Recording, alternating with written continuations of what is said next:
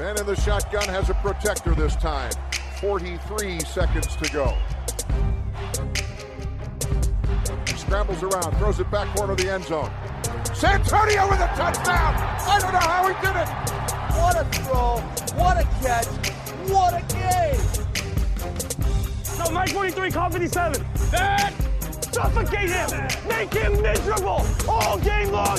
Get us the ball back! You could love him or hate him, but he was Brad. Hej, du lyssnar på veckans NFL med Mattias, Lassesan, Magnus och Rickard när vi är tillbaka för ännu ett avsnitt här och eh, vi ska ha ett lite mer eh, fritt avsnitt idag och prata om lite alla möjliga grejer och inte gå igenom så mycket spelare. Men vi kan väl börja med i alla fall och säga grattis till eh, Magnus och Hagunda som tog, upp, tog, tog sig vidare till SSL i innebandyn här, nu, här i veckan. Grattis Magnus! Stort, stort tack! Det har varit en fullkomligt magisk helg faktiskt. Eh, börjar bli människa igen. Jag tänkte det. Har du nyktrat till än tänkte jag fråga. Ja, det, det, har jag gjort. Eh, jag tror inte alla har gjort det tyvärr.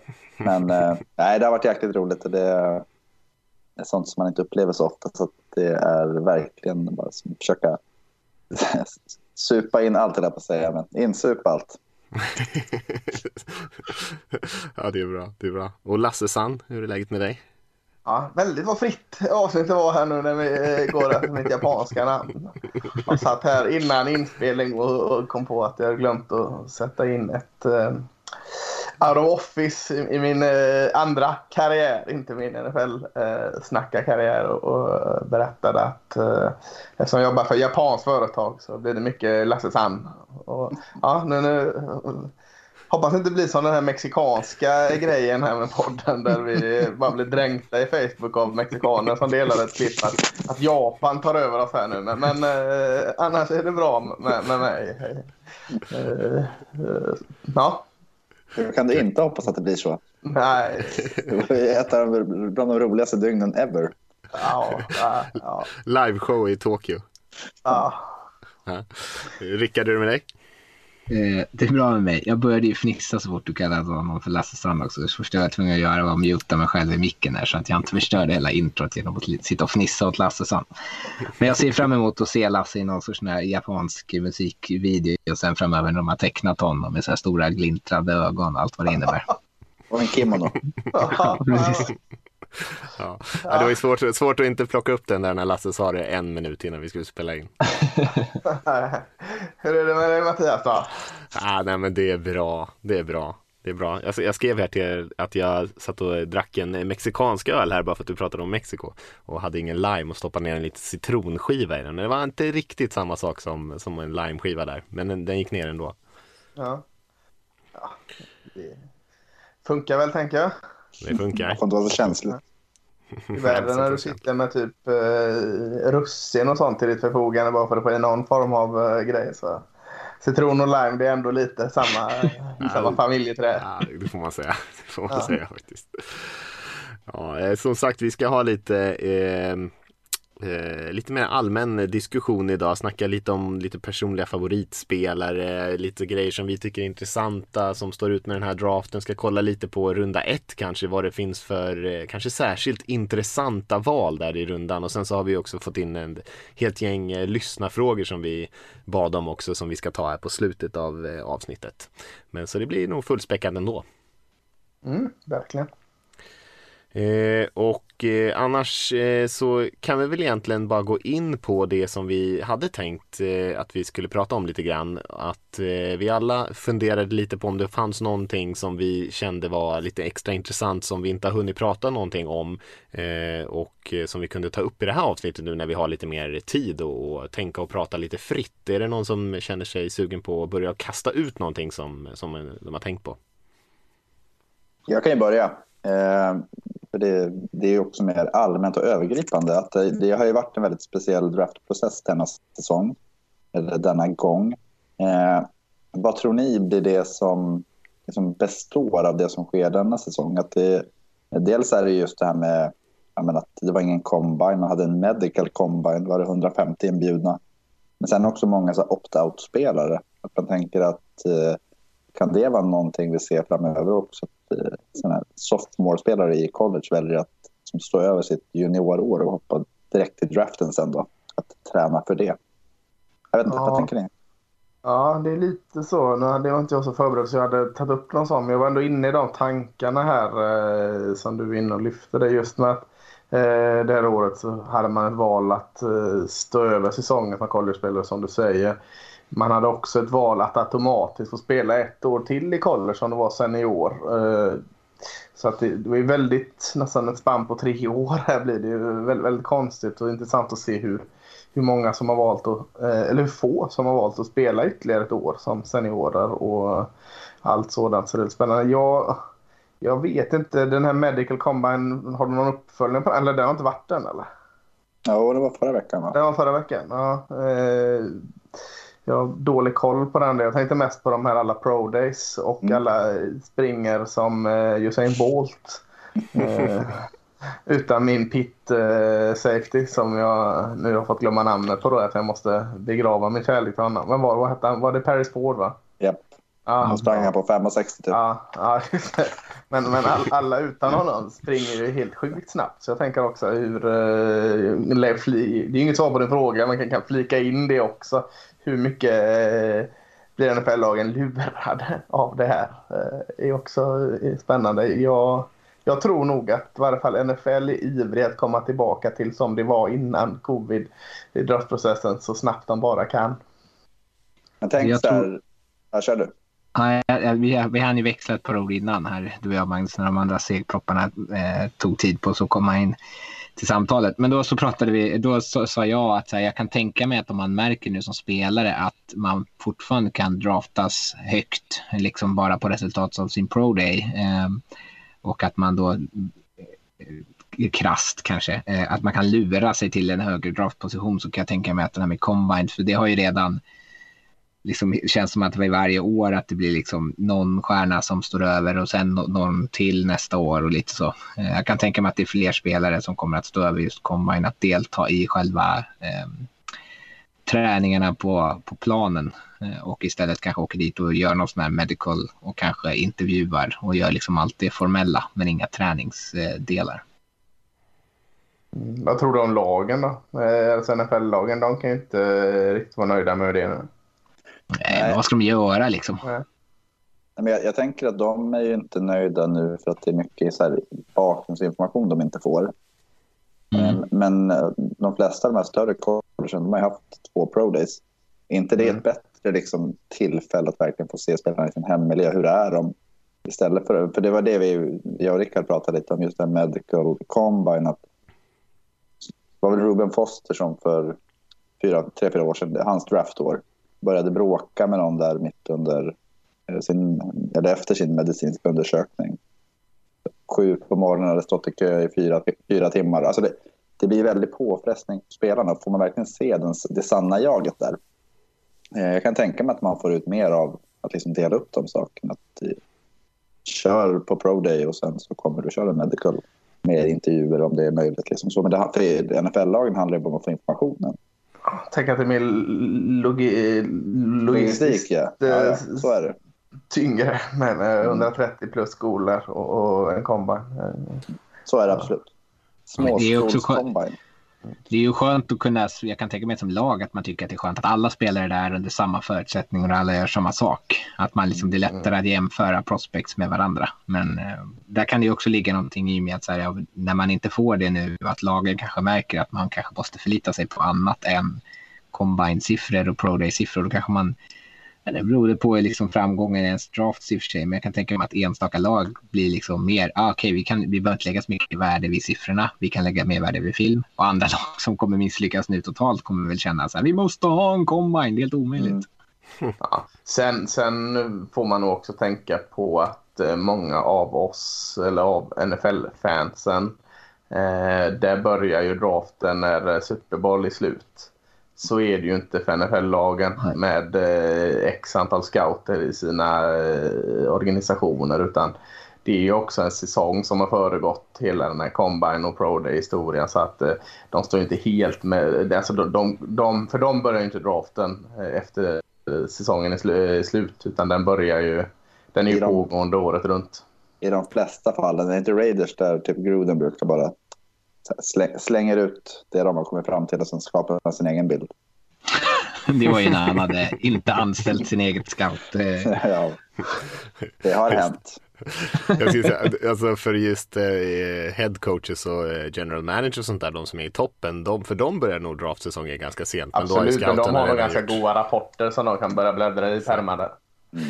Men jag, jag vet inte om ni läste den här eh, Jordan Rodrigue tror jag hon heter, hon tjejen som var på Panthers-biten innan. Hon, eh, tror jag tror hon täcker Rams nu. Hon skrev ju om eh, Rams åker ju inte på eh, Senior Bowl, de åker inte på Pro Days eh, i någon särskilt stor utsträckning, i alla fall inte toppbeslutsfattarna eh, i Rams, utan de eh, gör det från, på distans för att de tycker att de helt enkelt sparar tid på det och kan lägga, få mer tid att liksom jobba med utvärdering och sådana grejer. Så de kollar ju såklart på Senior Bowl-träningarna, men de kollar ju på filmen istället för att vara där på plats och sånt där. Och det är ju ingenting som egentligen har med covid att göra, utan det är ju mer en eh, mer ett så här effektivitetsfilosofiskt tänk som de har i den organisationen och det är ju också en sån här grej som är lite intressant om det kommer förändras om, om lag inte kommer komma komma ut och åka ut på så mycket grejer eh, eller om det bara är Rams som eh, testar lite nya grejer eller om det kommer bli om det är starten på en ny trend. Det är också en grej man kan fundera på. Hemarbete. Gjorde de det även när de var i St. Louis? Jag tänker att det är en sån här LA traffic problem så liksom att... ah, fan vad Det är så jävla jobbigt att ta sig till LAX. Ja, eller att de inte haft några droppick topp tre rundorna de senaste åren så att det är liksom inga kvar av de som har varit på eh, kartan. Inget värde. Det kan vara så. Jag vet inte, men de har gjort så i år. Mel Kiper gör väl samma sak. Han åker väl inte på, på någonting utan han, vill, han ser det liksom hemifrån och får film på det. Han är ju halvt pensionerad i och för sig och jobbar ju inte för något lag heller men eh, Nej, nej, men jag tänker att det, det är ju lite det här, vad tror man man får ut av saker? Att det, det, jag kan ju tänka mig att man får en bättre feeling på hur en person är när man ser, men just om man så här, verkligen är ute efter den här hårda, råa datan. Då kanske det är bättre att faktiskt inte ha den, den här, ja men fan han är ändå en skön snubbe, Mac Jones är ju härlig ändå. Jag, jag tror att man får ut mycket när man är på den här träffa genom att träffa scouter från andra lag och man utbyter information och tankar. Och liksom. Bjuda på en drink tänker du? Ja, men jag tror att det föregår så mycket sånt. Liksom scouter som jobbar för olika lag, de har väl ingen skill... Alltså, jag tror inte att de är, är försiktiga med sin information. Det tror jag de gott kan liksom säga till någon som de har förtroende för så får de någon sorts utbytesinformation. Det tror jag inte alls. Det tror jag är rätt vanligt. Det är ju därför man ser Nu killgissar jag totalt. Nej, men det, är, det är väl därför man ser de här trade-upsen i draften till exempel. Att någon hoppar upp framför just det laget för att Ja, man vet att de är höga på den här tacken. Och vi har ju någonstans en eh, avlägsen eh, förhoppning, dröm eh, att eh, kunna åka och täcka något som senior bowl någon gång här. Så vi måste ju så säga att det är görviktigt att vara på plats. Annars faller ju vi på egen eh, här. Liksom, om vi någon gång ska böna och be på knä om en slant för att åka till eh, mobil Alabama. Så svinbra att vara på plats. Nästa år, Ja. 2022, Ja. då är vi där. Ja. Jag kan säga med den här Rams-grejen också, en grej som de sa var ju lite det som du pratade om Rickard, där, men att de tyckte det var en dålig grej. Alltså att, de, eh, att det blir lite grupptänk, att man liksom blir påverkad vad de andra lagen tycker, de andra scouterna och sen tycker alla samma sak. Utan de ville försöka skaffa sig en bild lite mer sådär um, opåverkade av de andra lagen. Eh, så det var lite deras idé att, att de inte ville stå där och liksom snacka ihop sig med de andra scouterna och sådana här grejer. Men då håller de sig helt av sociala medier och sånt också då? eller? Ja, ja, ja. De har stängt ner alla Twitterkonton och allting. Jäkla bunker. Ja, nej, men eh, jag kan slänga ut en annan lite in, halvintressant diskussion kanske. Jag satt och funderade på de här receivers. Jag vet inte om ni, det kom ut en så här lite rolig bild om vad vad eh, Bengals skulle göra om de skulle drafta någon tackle-kombination på offensiva linjer eller om de skulle satsa på en elite receiver. Det blev ganska mycket diskussion om det där. Eh, och jag funderade lite på årets receivers. Det, det är ju en ganska bred grupp med receivers i år och eh, Eh, och det finns många bra spelare ganska långt bak i draften som man kan få. Så jag funderar på, är någon av de här årets topp-receivers som vi har pratat om, kanske framförallt de två Alabama-killarna och, och Chase, är, är det någon av dem som verkligen är värda att gå sådär topp 10? Är de den här typen av eh, supertalanger som vi kanske har sett där man är både haft produktionen och lite av ett fysfenomen med sig superhög potential? Eller är de liksom tre väldigt bra spelare som kanske inte skiljer sig jättemycket mellan varandra och så finns det ganska många bakom som är inte så långt ifrån. Eh, och jag funderade på det lite grann och tänkte att nej, jag kanske inte tycker att någon av de här egentligen borde gå där uppe och att man borde kunna hitta det värdet lite, lite senare i draften någonstans. Jag vet inte om ni håller med om det. Vad eh, talar det då för att uh, du prisar bredden eller djupet eller att du sågar toppskiktet? Jag tror att det är lite av eh, båda faktiskt. Jag tror att det finns ja. ändå frågetecken kring alla de här tre i toppen. Att det är inga så här solklara prospects och det finns en bra bredd. Så jag tror att det går att hitta liksom väldigt bra spelare lite senare också. Eller någon av de här tre kanske som, som är någonstans i mitten på draften. Att man då kanske skulle kunna hellre trada ner sig lite grann och ändå få en väldigt bra spelare. Så det är lite ja. både och. När du nämnde det först tänkte jag, säger du dum i huvudet eller? Så, så elakt det var det inte. Men, men eh, nu har han ramlat och, och slått sig eh, eller någonting här. Men, men eh, ju mer jag tänkte på det så tycker jag ändå det ligger någonting i det. För man kan jämföra så, Jamar Chase eh, som jag då kan liksom direkt när du sa det, klart som fan han tog topp 10 tänkte jag här. Ja, Jamar Chase och sen har vi ju eh, St. Brown här, Amon Rassant Brown. Ja, eh, Jamar Chase är ju bättre bättre, men hus är han så jäkla mycket bättre? Ja, eh, Jalen Wardle då, eller Alabama, en annan får gå till. Ja, Rashard Bateman, är han så jäkla mycket sämre? Så att det ligger någonting i det. Jag, jag tycker det är en bra, intressant fråga. Eh, jag vill nog ändå stå fast med min första studs där att Ja, jag tycker nog... Mattias är dum i huvudet. Ja, alltså, helt, helt rudad. Nej, men att Ja, jag skulle bara vilja peta in en i receiver topp 10, ja. Ja, jag, jag, tycker ju också du har fel, Mattias. Alltså jag tycker ju framförallt att Chase är värd att gå så eh, högt. Jag kan köpa liksom om man skulle ha det som en filosofi, lite som det har blivit med running backs, att man inte ska ta dem för tidigt, att man kan göra samma sak med wide receivers, att det kommer liksom ett dussintals varje år eh, och man kan nästan köra lite slit och släng eh, filosofi med positionen. Eh, men jag tycker däremot att när det finns en sån superstjärna som jag upplever att Chase är, så är det värt, tycker jag att det är värt att ta honom eh, så högt. Kan man liksom ha en dominant wide receiver i, i tio år framåt så är det värt att ta honom topp 10. Men har vet, Sammy Watkins, John Ross, vad hette han som West Virginia? Kevin... White. White. Kevin White. Alltså, mm. Det är topp 10. Corey Davis, alltså det är topp 10 receivers. Jag tycker att det är solklart att framförallt eh, Jamar Chase och eh, Devante Smith ska gå topp 10. Det är... Smith han, han är nästan 2000 yards och inte heller på det här jättelätta sättet. Han kan ju liksom leverera på så mycket olika sätt. Så det är ju inte, så det är inte John Ross som det, han är så en, ett djupredshot. Liksom. Ja, nu går det ganska taskigt. Så man kan också ta... Eh... Amari Cooper. Ja, Kevin Johnson. Kevin Mike Johnson. Evans. Uh, Julia Jones, AJ Green. Ja, Julia Jones, AJ Green. Alltså, det är lite längre jag... tillbaka sen. Ja, men jag skulle nog sätta Jamar Chase med det fina packet där. Julio Jones, uh, Green och Cooper och de uh, som ändå haft en väldigt, väldigt bra NFL-karriär. inga likheter eller ranking högt, men jag skulle nog sätta en receiver i den klassen. Vad jag har fått ut av honom i alla fall. Mm. Nej, men just att jag, jag, tycker att de, framförallt Smith och uh, Chase är ju liksom den typ av talang som bör gå högt. Sen ja, så de kallar det här ju smurf eh, edition av draft. Att det är ju typ alla är typ så här, eh, vad är 6-0? 1,80 och väger 85 kilo. Liksom det är väldigt, väldigt många receivers som är i det här lite mindre formatet. Och det, det är väl liksom, där köper jag resonemanget. Att där du kan få, alltså hur mycket skiljer det i produktion om du väljer att plocka en annan typ av spelare i första rundan och sen välja Rondale Moore i runda två till exempel. Mm. Ja, det beror på hur, hur, eh, hur högt man har de här. Men jag tänker så här, spelare som Julio till exempel eller Calvin eller Amari Cooper till och med. De tyckte jag ändå höll. Eh, ja, det fanns färre frågetecken kring de spelarna. Sen har det ju varit andra spelare som har tryckts upp lite grann, men då har det blivit lite tveksamma resultat kanske. Och i fjol så var, gick de ju flesta. Rugs gick ju 12, men sen gick ju fem receivers till mellan 15 och 25 där som egentligen alla var bra spelare. Mm.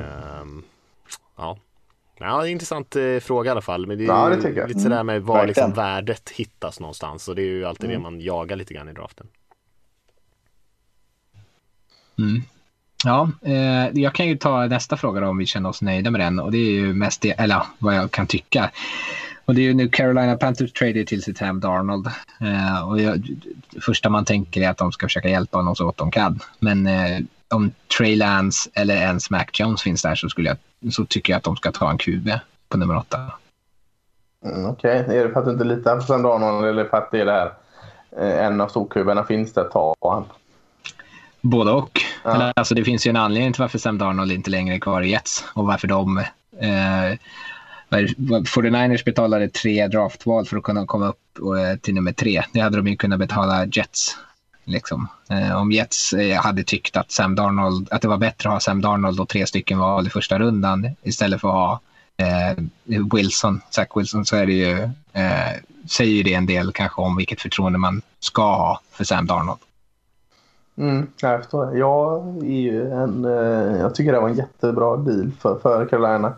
Hawks har sjuk övertro i Joe Brady där, eh, offensiva koordinatorn eh, i Panthers.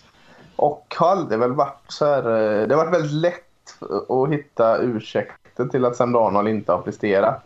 Eh, och jag har tagit de ursäkterna. Men det, det, ligger ju såklart någonting i det du säger att eh, det, det, finns ju en anledning att vill släppa honom. Eh, sen, sen, eh, sen, kan man inte alltid kanske liksom ta rygg på Jets anledningar. De har inte alltid varit eh, de bästa besluten heller. Så att jag kan nog ändå förstå vad du säger där. Skulle någon av de här ramla ner till Panthers så hur mycket förlorar man egentligen på att ta en eh, försäkring i eh, den absolut, absolut viktigaste rollen? Inte så mycket. Alltså ett val utan att liksom sälja huset eh, och få en möjlig eh, stor QB. Då sitter man med ett ganska trevligt val om båda slår liksom jackpot. Både den du draftar och sen Donald. Så eh, ja, jag håller med dig. Men, men jag vill stryka under att jag fortfarande tror på Sam Darnold i Panthers. Det är ju en jätteintressant eh, just den här... Alltså, Panthers, de har ju liksom någonstans en guldklimp om man tittar Ryan Tannehill-mässigt. Alltså Adam Gaze är ju inte direkt känd för att ha fått ut det bästa av sina spelare. Det, det, fan, det har ju gjorts eh, nästan till dokumentärer om hur bra alla Dolphins-spelare som slapp Gaze blev. Eh, så att för Panthers del så är det ju verkligen så att hur, hur dålig tror man Gays är? Och hur bra tror man att Joe Brady är någonstans? Tror man att Joe Brady är otroligt bra, eller tror man att Gays suger, så kommer man ju satsa stenhårt på Donald. Då tror jag inte man tar en quarterback. Men däremot så finns det ju chansen att man liksom står och eh, velar lite eller tänker att ja, det värsta som kan hända är att vi har två stycken. Men jag, jag tror att man kommer satsa på Donald. Det, om inte, jag, jag, tror inte att man kan vara kvar som nummer åtta och få kanske Mac Jones och eh, tydligen så var man imponerad av honom i The Senior Bowl.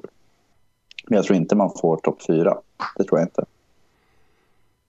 Nej, jag tror, jag, jag skrev väl också det när de gjorde den där traden att det kanske var lite för att de hade slängt, slängt ut några liksom eh, känningar och eh, kanske börjat förstå att de kommer nog inte få någon av de här spelarna som de är riktigt taggade på om de inte betalar väldigt, väldigt mycket och det var man kanske inte redo att göra. Om någon av dem faller, då tycker jag att de ska drafta en quarterback. Jag tycker Sam Darnold är absolut inte tillräckligt bra för att stoppa dem från att drafta till exempel Trey Lance om han skulle vara där nere. Men nu tror jag inte att han är det. Men om han skulle vara det så, så, eh, så eller i alla fall i närheten av deras val så att de inte behöver liksom sälja hela huset. Så eh, så tror jag att de ändå skulle vara intresserade av att ta in det och kanske sen som, eh, som Magnus säger där att det värsta som kan hända då är att man har två bra spelare och det är ju inte så jäkla illa ändå. Men eh, ja, jag, jag, jag tror inte att de kommer hamna i den situationen. Nej. Nej. Ja, har vi något mer? Är du inte nöjd?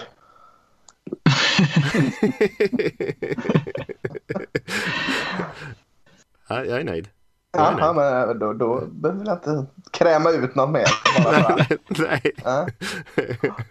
jag tänkte om du ville, vill, ville du slänga in någonting Lasse? I någon ja, jag tog lite tjuvrygg på eh, Magnus där med, med eh, eh, fuskande och pro days och sånt. Det var min, ah, min okay. observation.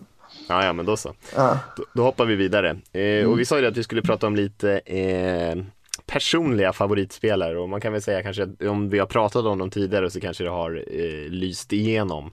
Eh, men vi kan, väl, eh, vi kan väl nästan köra så att för att det inte ska bli för rörigt så kanske vi turas om och så nämner vi kanske tre spelare var på en gång liksom. Så att vi inte hoppar eh, runt eh, åtta varv här och, och, och kör den vägen utan att någon av oss börjar och, och nämner några favoritspelare. Sen så får väl de andra kommentera lite kanske då. Jag, jag kan börja och jag tänker så här, det är en taskig fråga. Ja. Speciellt, speciellt när vi är så här, vem fan har jag inte nämnt som jag gillar? men, Aha, uh, Nej, det kan vara spelare du har nämnt. Jag har ja, nämnt alla jag vet, jag vet, men man vill ju inte vara den tjatiga.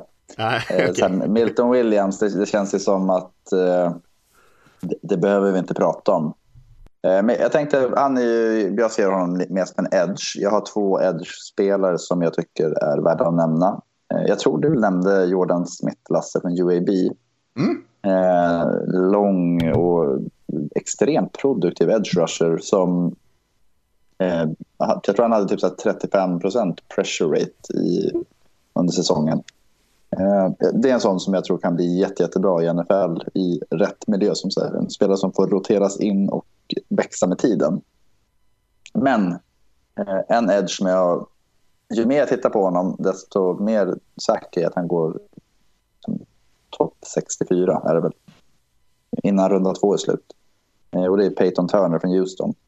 Ja, han gillar också. Jag var säker på att du skulle säga Ronnie Perkins från Oklahoma, men jag gillar också Peyton Nej, men han är ju verkligen... Han, han påminner väldigt mycket om Tyus Bowser tycker jag i hur han har liksom vuxit. En eh, för detta Houston-spelare som spelar Ravens nu och vilket en förlängning här, här ja, i, un, tidigare under, under uh, off-season.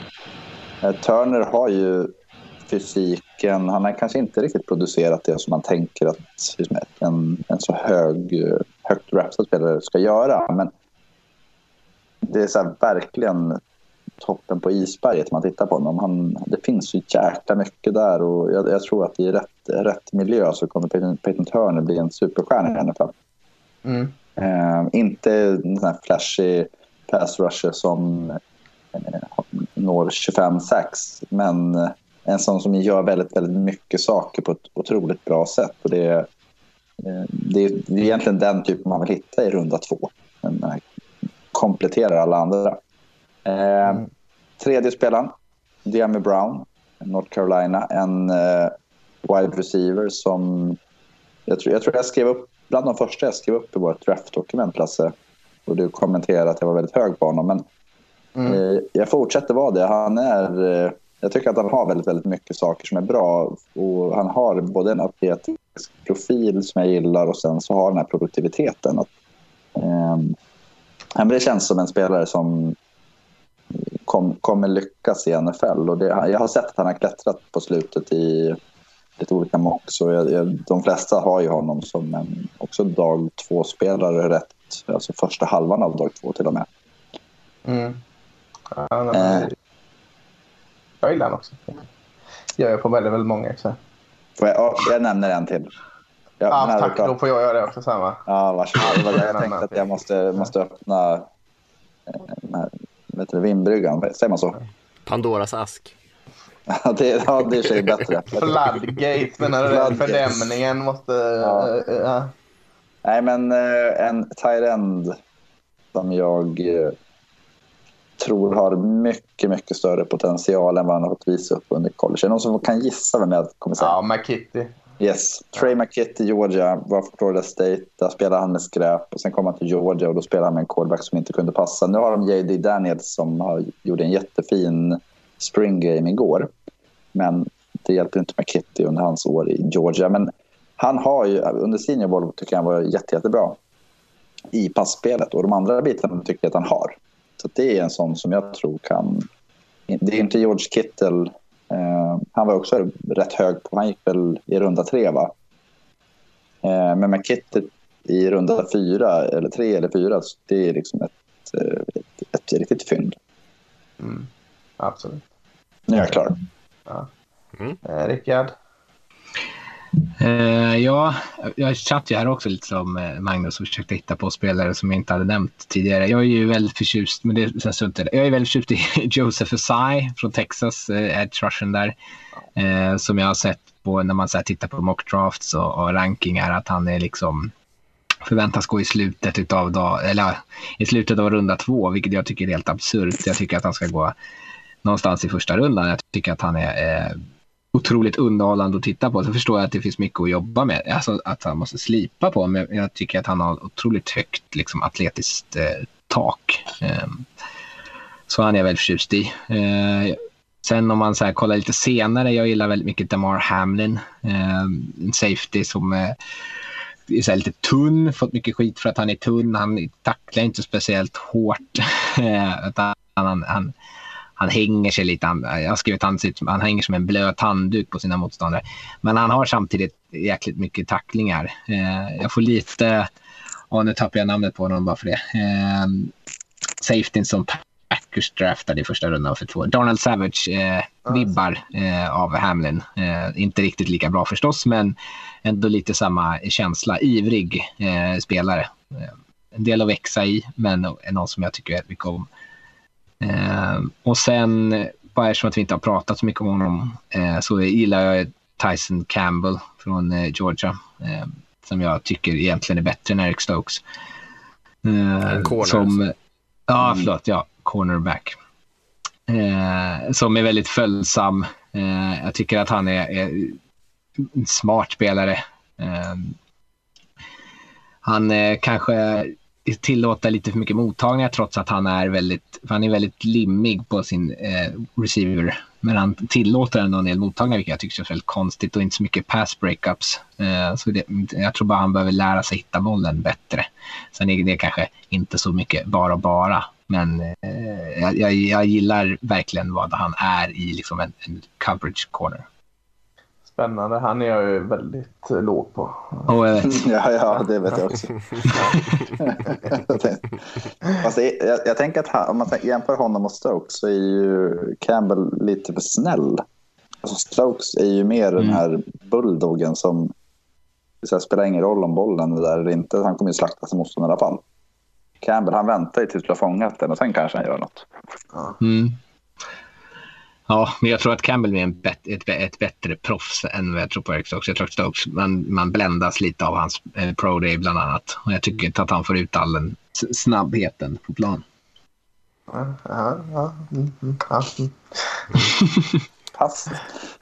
ja, ja. jag, jag ska ta fyra då. Då kan jag börja med corner då. Då har Thomas Graham i, i Oregon som jag uh, gillar väldigt mycket. Uh, tycker han eh, blir lite bortglömd. Eh, spelade inte sista förra säsongen så det kan ju vara av den anledningen. Men eh, jag tyckte det var två olika försvar i Oregon med, eller secondary med honom och utan honom.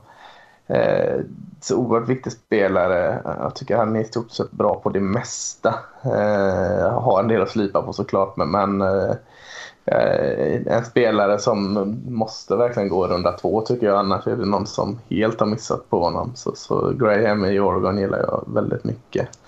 Eh, jag hade inte blivit jätteförvånad och chockad om han i slutet av runda ett. Men jag får också liksom någonstans se mina begränsningar att jag övertror på vissa spelare. Eh, I, I offensiven så snackar jag om att det var en djup och bred receivergrupp vilket gör att det kommer finnas fynd längre ner i draften som kanske lever upp lite i Mattias tes tidigare. Där. Men Tamarian Terry i, i Florida State eh, eh, försvann bort i ett eh, helt eh, planlöst offensiv i, i Florida State. Eh, där en receiver aldrig, eller en QB aldrig fick chansen att passa en boll egentligen och passade en boll så kom den fem meter innan någon sänkte honom. Tamonatera är en ganska stor eh, receiver som är ett djupt hot eh, och som är faktiskt inte fått visa det. Han fick visa det lite 2019 men han har helt glömts bort och skulle tro det var ett jättefynd eh, och kommer bli bättre än än i college. Eh, sen har vi en linebacker i LSU i Jabril Cox. Eh, nämnde jag säkerligen när vi pratade om linebacker som gillar väldigt, väldigt mycket. Lite samma resa som, som er linebacker där, Patrick Queen. Alltså mm. fick ett ganska tungt ansvar eller stort hål att fylla precis som Patrick Queen fick. Eh, och liksom steg med den utmaningen allt eftersom. Första matchen var det lättare att peka på saker som inte funkar. Sista matchen var det inte så jäkla lätt att hitta saker på honom som inte funkade så bra. Jabril Cox gjorde samma sak. Kom från en liten North Dakota-skola, transfer till LSU och skulle liksom ta över Patrick Queens roll precis som Queen skulle ta över White var det va? Mm. Eh, och gjorde det jättebra. Dessutom vill jag lägga att Jabril Cox eh, ser väldigt fin och följsam ut emot pass. Eh, vilket bara kommer hjälpa honom i, i Till skillnad från Queen nu tänkte du säga. Nej, inte till skillnad från. För Queen har sina stunder där med. Men Queen var det lättare. Det är det han har liksom. fått kritik för. Ja, eh, men han har blivit bättre. Men där var det lättare att hitta lite brister i Queens spel. Jabril Cox är kanske lite mer allround men kanske inte har samma liksom, eh, toppar som, som Queen hade i, i mot spring. Nej, sen Men sen är det ju, Cox kom ju som, han har ju startat tre säsonger som typ kapten i North Dakota också. Ja, Han var ju väldigt, väldigt färdig när han kom och det, det säger ganska mycket. Han var den enda bra spelaren i deras försvar. Typ. ja precis. Förutom cornersen. Nej, så där får man nog en väldigt bra eh, linebacker. Jag tror inte han kommer glida igenom runda två faktiskt. Eh, sen en spelare som jag inte riktigt vet vad jag ska placera. Jag vet inte ens om det är en framtid eller hoppas det. Men det är Osa Ojizuva från UCLA. Eh, brorsan har spelat i ditt Raiders, eh, Rickard va? Eh. Eh... nej, jag gick ju till, det var Giants va, som valde honom i Ah, var det så? Ja, så kanske det var. Just det. Men jag Eh, gillade verkligen brorsan däremot. Ja, eh, inte riktigt samma spelartyp, men lite så här... Eh, eh, har inte riktigt grepp om teknik och taktik alltid, men, men skapar väldigt mycket oreda på defensiva linjer. Svårt om man ska placera honom i en eh, som D-line eller edge-spelare. Vet inte, inte färdig produkt, men, men eh, väldigt, väldigt spännande. Så att eh, eh, kommer nog inte se så mycket av honom eh, första året, men, men en sån som kan vara diamond in the rough. Mm. Jag tycker ändå att det är kul just när jag ser ju, jag gillar mönster och eh, jag nämnde McKitty och du nämnde Tamarion och vi pratade även alltså, vad heter han, Marvin eh, Davis Wilson. Wilson. Ja, Florida State. eh, Florida State. Jo, men Ja. precis. Där finns det ju väldigt mycket talang. Ja, för de har ju men rekryterat bra så rekryterat otroligt bra, jättefina klasser, framförallt för tre, fyra år sedan. Ja. Eh, och nu när de här ska ut, alltså det är ju, har man draftval så är det värt att slänga en, en, ett extra på en Florida State-spelare för att de har ju ofta väldigt, väldigt profiler att ha. Ja. Ja visst, man kan ju få en eh, riktig fullträff men det är ju också lite mer risk kanske då om man Mm, inte riktigt verkligen. har sett dem leverera. Men eh, sen finns det ju kanske anledningar till att de inte har kunnat göra det heller. Men eh, ja, det är ju fortfarande mycket som är okänt. Ja. Har du någon Florida State-spelare på din lista Mattias?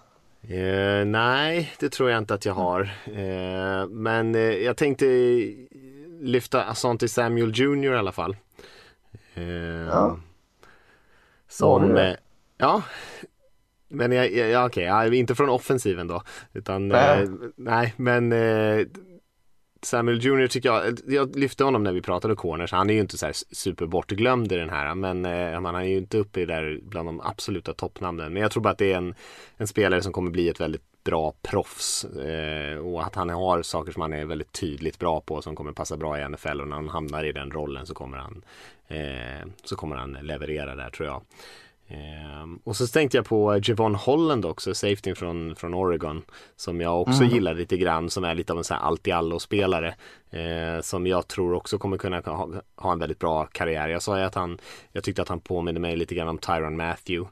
Eh, från hans college-karriär. Som jag tror också kommer kunna Eh, liksom få händerna på många bollar, eh, orsaka många stora spel och sådär om han eh, blommar ut till det som man hoppas på. Eh, och sen så är det en, en kanske spelare som är ändå ganska högt ansedd men som jag verkligen gillar är Levi Onwuzurike från Washington. Defensiva linjespelaren där jag tror att det finns väldigt mycket så här oupplöst talang. Att han eh, mycket väl skulle kunna vara den bästa defensiva linjespelaren från den här klassen när det sen är när allt eh, är klart här om några år och vi ser hur allt har eh, löst sig för de här spelarna. Så det var de tre som jag tänkte framförallt på. Det är tre försvarare blev det. Men Mm. så kan det ju vara ibland. Ja, Det är ett gäng bra namn här. Mm. Och fel i Ja. Ulrike. Tror du det? Ja, det tror jag. Jag tror inte han någonsin kommer vara lika bra som Barmore. Men jag är ju ganska hög på Barmore i och för sig. Ja, du gillar ju Barmore. Nej, jag har inget emot Barmore. Han är också en bra spelare i och för sig. Ja, Barmore är mer, 18. lite mer, han är lite mer komplett. Men jag Ja, tänker just, har någonting Jag- jag- mot Davion Nixon å andra sidan. Eh, Jag tänker på Holland. Att det är ju en sån... Alltså han är inte polariserande på ett sätt som är att så här, bra eller dålig. Att de flesta tänker att han är bra, men vissa tänker att han är väldigt, väldigt, väldigt bra. Att han är liksom den överlägset bästa safetyn i den här klassen. Det är han också i och för sig. Jag håller Jo, han och Morig på samma Morig är nivå sämst. ungefär. Ja, ja, du gillar Washington bättre i TCU va? ja, faktiskt. Ja, ja. Jag skulle nog inte drafta honom högre, men eh, på, som vad de gjorde förra året så tyckte jag Washington var den bättre av dem. Ja.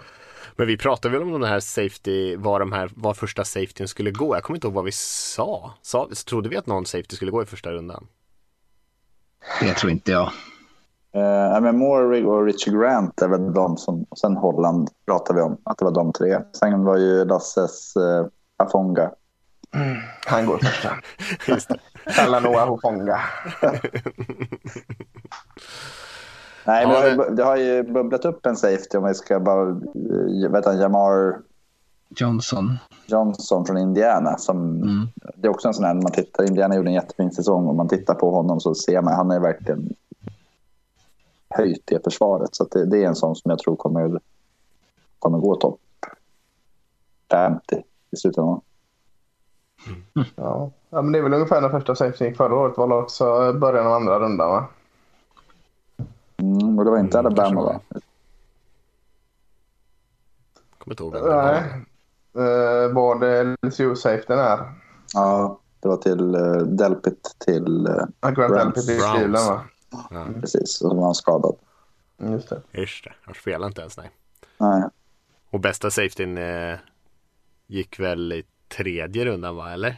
Hette Ja, Winfield tänker du på eller? Ja, Ja, han gick väl andra va? Också. andra kanske. Mm. Mm, Ah, slutet av andra. Winfield. Ja, okej. Mm. Ja, intressant. Det var ju ett par namn där. Eh, som sagt, många har vi nämnt, många har vi, några hade vi inte nämnt. Men eh, ändå eh, kul att lyfta några lite extra sådär som vi tror på. Eh, vi får se, många av de här spelarna som vi nämnde här, det är ju, ett par av dem kommer ju säkert gå högt, men de flesta går säkert i andra, tredje, kanske till och med fjärde runda några av dem. Eh, och hittar man någon, en, en riktig pålitlig starter eller ännu bättre där nere, då är det ju ändå ett, ett riktigt bra val. Mm, absolut. Ska vi kika lite grann på eh, runda ett? Det, vi har ju varit inne på det lite grann. Det finns ju några val där som känns kanske lite extra intressanta och vad vi tror kan, kan hända lite grejer kanske också. Och det, det blir väl lätt så att man fokuserar på quarterbacksen där. Jag vet inte var ni tycker att vi ska börja någonstans.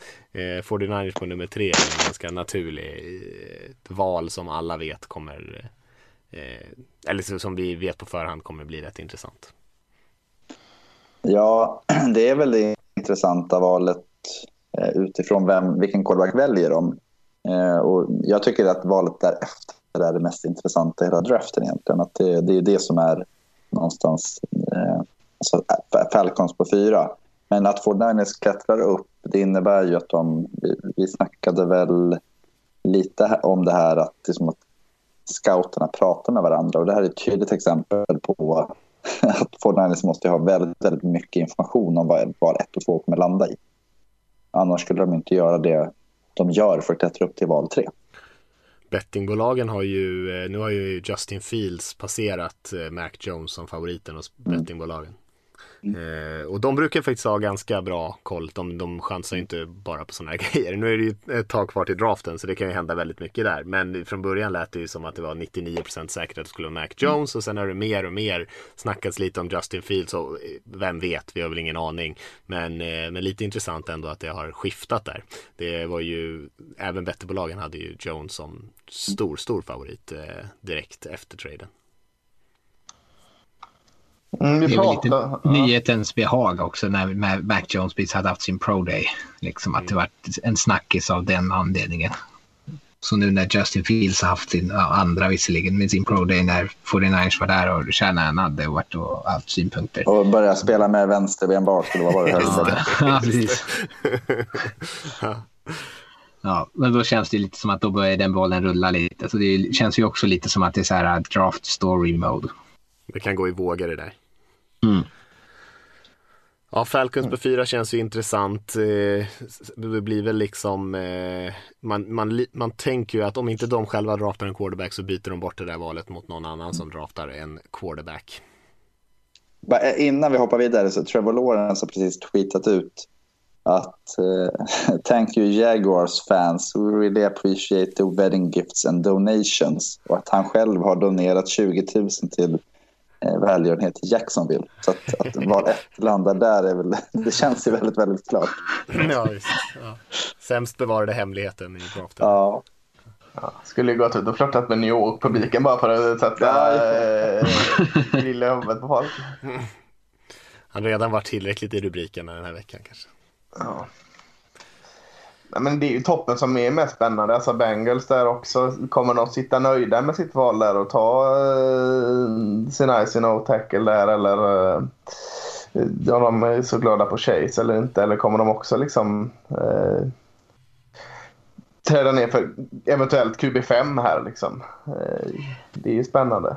Alltså går de alla så högt, alltså det är ju, alltså det känns som att, nu har vi snackat QBs mycket, men Län som man liksom ska hårdra det, det är ett ganska stort projekt att ta sig an. Jag gillar ju i och för sig honom och han, jag tycker att han har en hög, ett, en hög uppsida. Eh, Men eh, alltså det, måste man betala jättemycket för att komma upp till nummer fyra? Det kanske inte riktigt är värt det. Mac Jones jag har ju, ser ju jag liksom inte som att man skulle trada upp och plocka så där högt. Så, jag men vet inte om de får så här sjukt mycket Nej, betalt. det Ska, gör de ju inte. De- Det är fan, hade det gått fyra raka QB så hade det varit helt sjukt. Går, Nej, så om eh, jag Falcons... det gör det. Ja, går Fields nummer tre, eh, nummer, eller går Mac Jones nummer tre, då tror jag att det Då blir, jag. eh, Ja, då, då det action. Men går Fields eh, till 49ers och det är Mac Jones och Lance kvar, nej, då tror jag inte att det blir riktigt samma eh, budgivning på det hela. Men tänk så här. Eh, pick 6, det är ju Miami. Sen är det 7 Dolphins, det, eller Lions. 8 Panthers, 9 Broncos. Du har ju... måste upp före dem, ja. Ja, alltså det är, Ja. Det, som, det är det som är grejen. Att alla de sitter... Lions tradar nog gärna bort. Eh, Fast Jared Goff... Jo, men det handlar ju om, tror du att de tror att Jared Goff är framtiden? Eller kan de tänka sig att ta Mac Jones för att ge jag, tror honom att de? Alltså, jag tror att de inte känner sig stressade i alla fall. Nej, nej, de är inte stressade, men du har ju ändå tre, fyra lag i rad som det är så här, fan, de skulle lika gärna kunna Ja, få en kort. Ja, Det är vi- också inte tre det är lag. så. Det är också tre lag i Falcons, Bengals och, och Dolphins som kanske inte är helt främmande för att trada bak. Beroende Nej. på vad som händer framför Nej, men. Så- exakt. Så att det, det, är, det är alltså fem, sex picks i rad som är så... Så att jag, jag tror att fan, de kommer ju kunna... Ja, det, jag tror att alla, alla QBs går topp sju. Eller alla, fem i alla fall. Men om man säger så här med fjärde valet då. Om, om liksom Broncos skulle upp från 9 till 4, vad skulle de behöva betala då? Det beror på vad någon annan betalar. Ja, men vad, vad känns som ett, liksom ett rimligt pris? Ett första nästa år, ett andra i år. Eh, kanske något val till. Tror du att de får så mycket betalt alltså? Ja, för rätt QB ja, kanske. Ja, kanske, Alltså, är det det är lite där? billigare kanske att man kan komma undan. Men eh, det är garanterat en extra etta i alla fall. Eh, och något, något Men- val till. Men, Men Matt Ryan är typ 36 år. Alltså, ja, nej, alltså, jag, jag tycker att just det spannet, pick 4 till pick 9. Alltså Cowboys, de blir jag förvånad om de ska göra någonting. Men just de här sex valen, det, det kan hända precis vad fasen som helst. Ja, All- inte tian alla sitter säkert och hoppas att Mac Jones finns kvar så att uh, de, De kan på bort sitt. det. Ja, Ja, Patriots kommer upp. ja. Eller vilka nu. Men, men just att förutom Bengals då, som femte, de kommer ju inte ta en quarterback. Men de kanske inte vill falla för långt bak heller.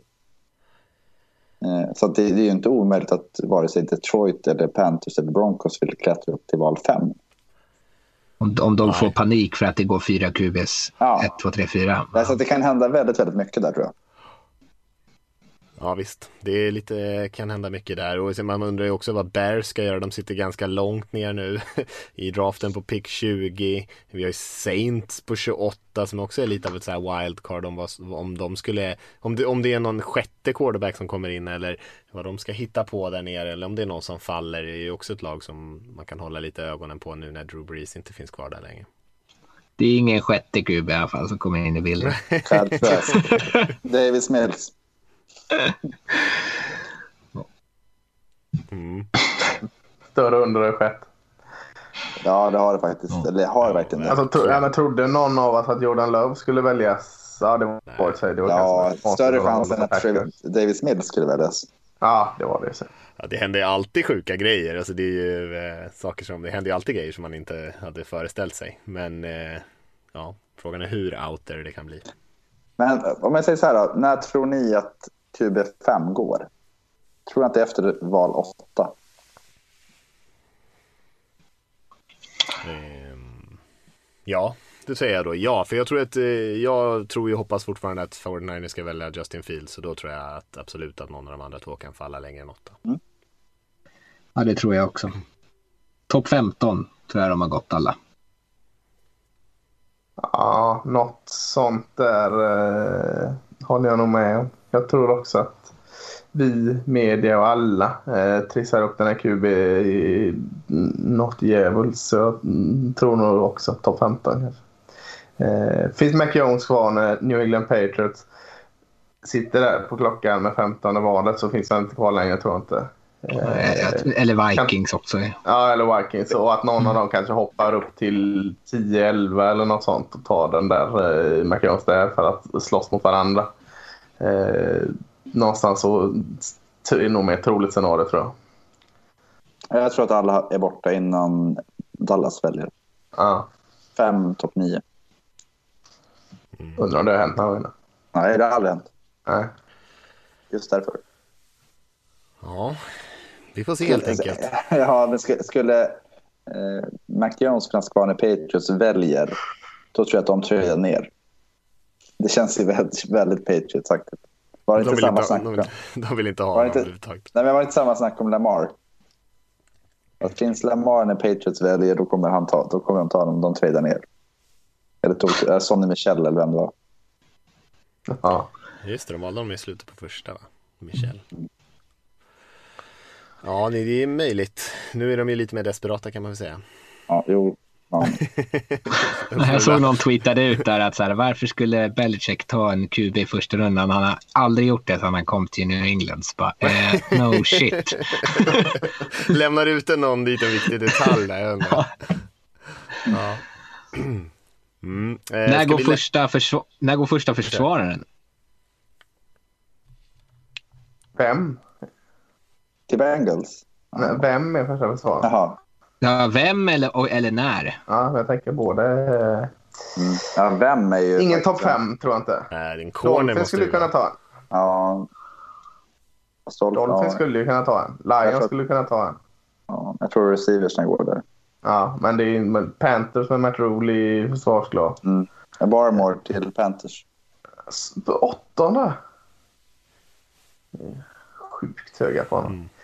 Ja, det är absolut sista är ju att Dallas Cowboys eh, måste göra något med sitt försvar. Patrick Surtain. Ja, där är Patrick Surtain typ inringad. Så eh, absolut inte senare än tian då. Det kan inte ha hänt heller att det skulle ha gått nio anfallsspelare i så fall först innan första försvararen har gått. Det, det kan Nej, jag säger inte att det är så. Jag tror någon går tidigare. Mm, det tror jag också. Det är fullt rimligt att ingen gör det. Bengals kan ta, Bengals kan ta en QB eller en CB. Kanske, men jag tror inte det. Eller Nej, ja, nej, man kan vet aldrig med dem. mig det. Falcons, om de väljer så tror jag inte att de väljer anfall. De tar ju pits. Åh, fast fan. Och har inte Broncos... Men det försvaret är- Egentligen kan jag tänka mig att de eh, kan också titta åt försvarshållet till. Ta typ Ja. eh, den edge-spelaren de gillar mest där eller någonting. Jag tänker bara att de tar eh, en en linebacker annars. Ja, Mecca Parson eller eh, Ja. Owoso Karamoa. så heter han ja. Eh, ja, det skulle mycket vara möjligt. Jock, ja. Jock Ewing. Han borde kallas för Joker. Bara som Fast det är ju, det kan, ja, då borde han gå till Denver, för där spelar ju eh, Nikola Jokic. Han kallas också Joker. Basketbollspelare, eller NBA-spelare. Ja, En center som inte kan dunka. Han är, Han är bra typ på andra två. saker i och för sig. Han är otrolig. Han är otrolig på andra Bra på att saker. virka. Ja, han, han, är, han skulle kunna spela QB i NFL. nästan. I alla fall tight end eller något sånt där. Ja, alltså jäkla feeling. Ja, han är, han är Ja, vi har fått nog med det jävla experimentet nu med att ta basketspelare, att de ska bli stjärnor. Fast inte, Lägg ner inte, som, inte som QB. Nej, men som tight end. Ja, men googla Joker quarterback så kommer du säkert hitta några fina passningar. Med en basketboll då. Ja, ja han var ju riktigt fina sådana. Men kan inte dunka. Det är väldigt oatletiskt. Skulle inte prata fotboll här? Det, det gjorde vi. Ja, vi kanske ska lämna den här eh, diskussionen med runda ett, för vi ska ju faktiskt göra en mock här snart, så då kommer vi väl in på lite av de här samtalen också, vad lagen kommer välja. Och eh, vi kan väl eh, gå in på, vi har ju fått in en, ett gäng lyssnarfrågor, så vi kan ju lika gärna börja ta dem tycker jag. Och eh, vi kan väl fråga, eh, börja med en fråga från både Sixten och eh, Brown Supporters Sweden där på Twitter som undrade vad Browns skulle göra och eh, dessutom hur stor sannolikhet vi tror att det är att de kanske tradar bak i draften. De väljer ju faktiskt inte förrän eh, hela vägen ner på 26 va, med sitt första val. Det har de nog inte gjort sedan de gjorde någon dålig trade för länge sedan. Det har de inte gjort sedan de bildades, höll jag på att säga. I... Taskigt. Jag tror inte att de tradar ner. Snarare upp Nej, det tror jag inte. Snarare upp, ja. Försvarssidan känns väl eh, givet, va? Ja. Vi nämnde ju Christian Barmore. De släppte ju Sheldon Richardson här i... Ja, det just nu var i det. veckan. Så det känns ju typ som ett... Billings och vad heter Och han? Konjobi har ju, har ju... Hans kontrakt har väl gått ut. Det är Simon Jadavion Clown, eh. Tank McKinley, Miles Garrett. Ja, men en secondary gubbe där, alltså en corner. Eh, Denzel Ward kanske kommer upp. Greedy Williams, äh, fan de har. Men, men kan inte ha Greedy för har ju inte mycket corners. Nej, och kan inte ha för mycket corners heller. Och Delpit kommer in. Jag, jag tänker att antingen eh, typ Christian Barmore, defensive tackle, eller eh, någon av de fina linebackersen om de finns kvar. Ja, Nick Bolton där nere. Fint. Savin Collins, Jamin Ja. Davis från Kentucky. Alltså det, jag tror De har att många det, alternativ ändå. Alltså de har ju ändå Mm. ganska, de har ju en del hål att fylla i sin trupp. Alltså jag tycker på alla nivåer som ni nämner där, både defensiv tackle, linebacker, corner. Jag tror att de skulle behöva förstärkning på alla de positionerna. Så att eh, de har ju ändå en del att välja på. jag tror att de går Ganska- från seven. Ja, alltså ja, det tror jag. de är väl stort sett på pappret eh, färdiga i offensiven. Där finns det både topp och djup. Liksom. Behöver en quarterback va? Pass rushers har de i alla fall på den här nivån. De Ja, inte nej, men alltså, så- frågar. Så Ja, högt Miles tror du Garrett det? Miles Det Garrett, tror jag. Clowney. Ja, kanske. Nej, Men alltså, men- Clown är ju inte, han har ju inte haft, han har aldrig varit så super, ja, han har aldrig varit speciellt superproduktiv heller. Det beror på lite vad man har tänkt att de ska spela för fronter. Men ska de, alltså jag skulle inte Fast det är kunna... ju bara supplement till, till Miles Garrett. Miles Garrett, ja jo, jo, men att- att slänga in en... en, en, En outside eh, linebacker rusher. Ja, men precis. Mm. Osai där till exempel. Ja, ja visst. Det tror jag Ja. inte att de tar. Men, men, ja. Så de kan Nej, inte som så tydligt kanske. Ja, Nej, men om de frågar vad de ska göra de tre första valen så är försvar, försvar, försvar väl? ja, det skulle Ja. jag säga. Ja. En i, varje, en i varje del i försvaret hade jag tagit. Och då, då är Browns väldigt, väldigt bra nästa år om de gör det med, med något, något sånär träffsäkerhet. Skulle behöva några av sina andraårsspelare eller tredjeårsspelare också som kliver upp faktiskt också. De har ju några högst draftade spelare som inte har levererat än så länge. Absolut. Eller inte ens spelat, till och med som Delpit. Eh, vi fick en fråga på Twitter också från Swift Curry här, jag tror inte det är hans riktiga namn. Men kommer Packers att ta långsnappen Cameron Cheeseman vid nummer 29 eller kommer de trada upp och plocka han ännu tidigare? Det är bara hoppas. Nästan bo och, och, och, och träda upp och plocka honom där. Cheesehead för dem som eh, kanske har missat detta är ju bara vad Packers kallas därav. Eh, det, det roliga eh, kan inte säga att jag har någon koll på honom. Så, men det är kul. Nej, det kommer de ju absolut inte göra. jag Nej, det tycker låter dels att frågan är rolig och dels att du var tvungen att förtydliga att du inte trodde att Swift Curry var hans riktiga namn. Frågan är om Cameron Cheeseman är hans riktiga namn. Så att det är kanske samma person dessutom. Han kanske försöker hypa sin egen draftstock. Ja, Det är så här, all, Det är ett alla burnerkonto. med- Tänk om det är Swift Curry då. Jag, jag tänker att, att, att, eh, att alltså, nej, jag, jag kan inte tänka mig att, att eh, Packers vid något sammanhang kommer drafta någon bara för att de heter Cheese. Alltså Cheeseman, det kan man ju trycka på sin tröja ändå. Det är inte, Utan att inte det finns seriöst. liksom ett sånt incitament.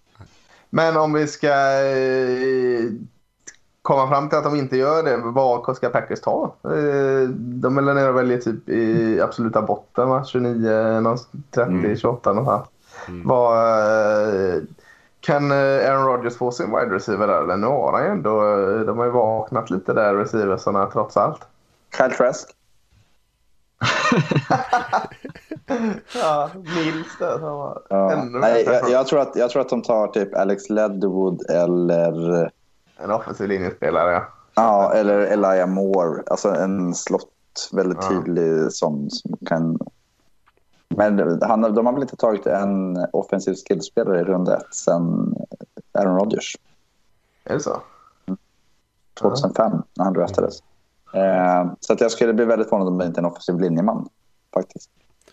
Ja, det jag låter ju rimligare Ja, investering precis. än en receiver tycker jag där nere faktiskt. eh, Det är ju inte så något som de egentligen eh, är i ett superstort behov av. Insidan där är inte heller rolig liksom eh, vad de har nu. Eh, ja, det gillar Elton Jenkins är ju fin men annars jag gillar lite sådär. Ja, men jag tänker just att Leatherwood känns ju som en sån här som de flesta projektar till guard. Mm. Eh, det innebär inte att han måste spela där, men han kan spela på fyra positioner i stort sett. Ja, nej, men en linje. där. Vi eh, går vidare till en eh, fråga från Felix här som skriver Felix Lindström. Hur bra ska ett prospect vara alternativt hur viktig roll ska han spela? Typ quarterback, left tackle eller pass rusher för att man ska bortse från sina needs och bara drafta den bästa spelaren. Det är en väldigt eh, filosofisk fråga där får man väl säga. Eh, Kanske lite beror på från draft till draft också och hur eh, uppenbart needet är. Men jag, jag brukar ju alltid tänka så här att om eh, om man draftar någonting som är ett eh, helt eh, vidöppet hål i sin trupp och tänker att man ska, rookien ska gå in och starta direkt. Eh, det, då är man liksom redan något år för sent ute. Men eh, det, man hamnar i den situationen ibland. Men då ska man nog drafta väldigt högt för att kunna räkna med att spelaren ska kunna gå in och spela på hyfsad nivå direkt. Jag, skulle säga, jag tror att 90% av valen är best player available. Jag tror Ja. tvärtom. 10 Ja, procent. Ja, jag tänker eh, att eh, man ska absolut kolla vad man har och inte har. Men man ska inte göra det så statiskt. Alltså att har du eh, Joe Burrow i Cincinnati Bengals så ska du inte alls kolla på QB. Det, det, så där går ju det in. Men har, exakt. säg att du har en bra wide receiver där du också ofta har nytta av fyra stycken i rotationen så kan du skita om du har ligans bästa wide receiver. Då kan du ta en wide receiver med direkt om den finns där ändå. Eh, men så, så att de här topp två-spelarna kanske du inte ska ta best player available tänker jag. För att har du två, dina två bästa som är relativt fin ålder kanske du ska bortse från det. Men annars så, så eh, tycker jag bästa spelare på brädan är, känns som ett vinnande koncept. Ja, Alltså, jag- jag... Nej, kör Ja, du kör. först. Ja, alltså jag, jag tänker mig att uh, man gärna pratar om best player available, men det ser ju sällan ut så. Alltså det är oftast ganska träffsäkert i liksom vilka positioner som lag är ute efter i draften i de första rundorna och som, som de faktiskt också väljer. Det är ju ganska ovanligt att man blir helt golvad för att något lag tar en spelare som de inte har ett behov av. Men jag, jag tänker också det att eh, Best Player Available kan ju, det är ju, ena utesluter ju inte det andra. De kan ju gå hand i hand. Alltså Ja. på din board, spelare 20 och spelare 50 på din tavla. Hur mycket skiljer från dem egentligen? Och, och då är det 30 spelare där. Kan du kombinera det, gör det då. Men det är mest om någon som du hade som spelare nummer två på din lista råkar vara kvar där när du väljer som nummer 20. Ja, är det inte då att du har Patrick Mahomes eh, så ta han då för fan. Jag tror inte att det är jättevanligt att man väljer en spelare som man tycker är sämre än någon som man inte, alltså som man inte väljer bara för att han har rätt position. Eh, det, du är inne lite på det Lasse, just det här att man kanske inte... Alltså har du en QB du tror på, där han kommer spela här i 15 år, då kommer du inte scouta quarterbacks på det sättet överhuvudtaget. Eh, men det är ju liksom egentligen enda positionen jag kan tänka mig. Så, ja, han föll hit, men det händer ju aldrig. Eh, men däremot så tror jag liksom att det, det, är ju så extremt svårt att säga att man inte har ett behov på den positionen. Det är, liksom, det, det är så väldigt sällan man inte... Liksom så här, men, varför skulle man inte ta en tackle bara för att man har två om man tänker att någon av dem kan flytta in eller att det är ett kontrakt? Alltså det är så många saker som spelas in. Mm. Självklart så väljer man need framför inte need. Men det, då ska spelarna vara på samma nivå. Och det är det Nej. som är. Men om man tänker sig hur mycket bättre blir mitt lag av att jag tar den här tacken kontra hur mycket bättre blir mitt lag av att jag tar den här cornern. Jo, men jag tror att tänker jag att man tar den som är mest värdefull, inte mest kanske den som är på pappret bäst. Jag, jag tror väldigt sällan man hamnar i den situationen där det blir ett där det är så. För antingen försöker man trada ner och hoppas att man får sin spelare sen. Jag tycker att det, jag tycker att det ofta spelar, alltså att man väljer att lag väljer spelare som man tänker att ja, jag tog ner honom. Så det var inte första nidet till exempel. Sen, sen så får, uh. Nej, jag tänkte bara säga att sen så är det ju rörelse. Dels från, alltså tar det från alltså första needs-rapporterna i januari eller februari fram till draftstart så skiljer det sig ganska mycket hur trupperna ser ut. Med vilka som är signade och så vidare. Eh, men sen också traderna som sker, framförallt i första rundan, det påverkas ju.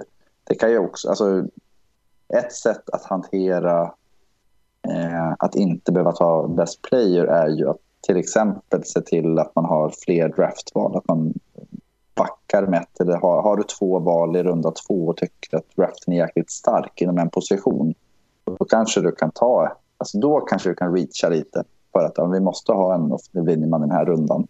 Men sen ja. så kan vi gå back best player i resterande. Men om man tänker alla val så tror jag att det är väldigt, väldigt sällan. Alltså då, då, det är så jag menar. Ja men precis och, och, så får man ju tänka på det att är det som, som i år då så är det en stark QB-klass med en stark topp. Men att det är en bred wide receiver-klass. Eller klass.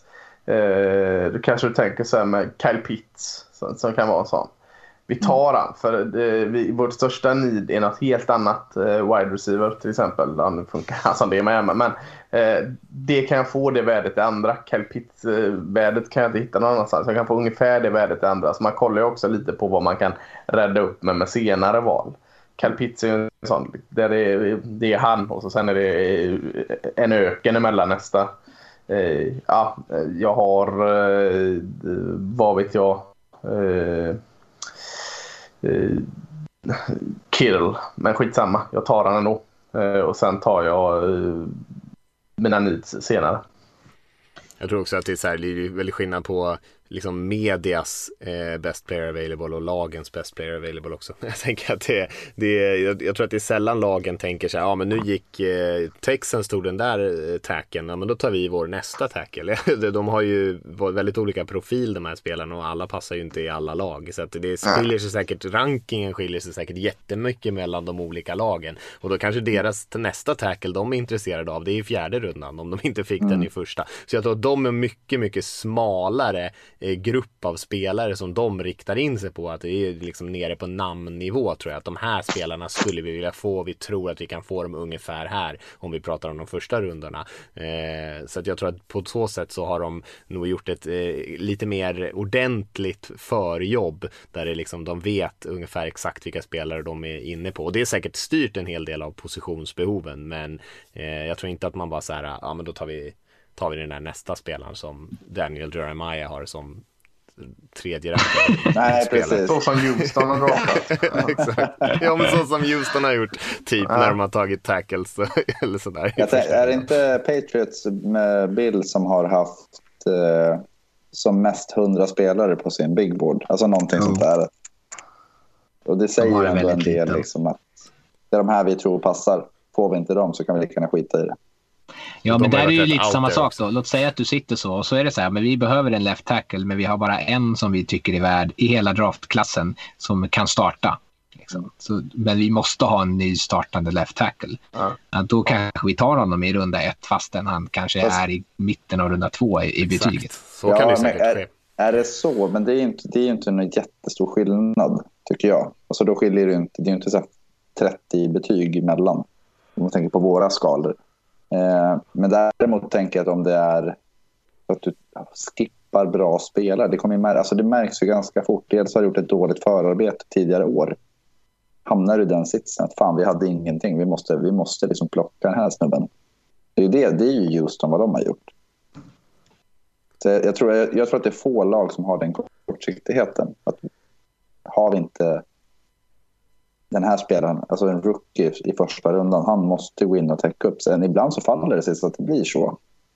Eh, men, men ja, jag vet inte. Det, det, är väldigt intressant att fundera på att de...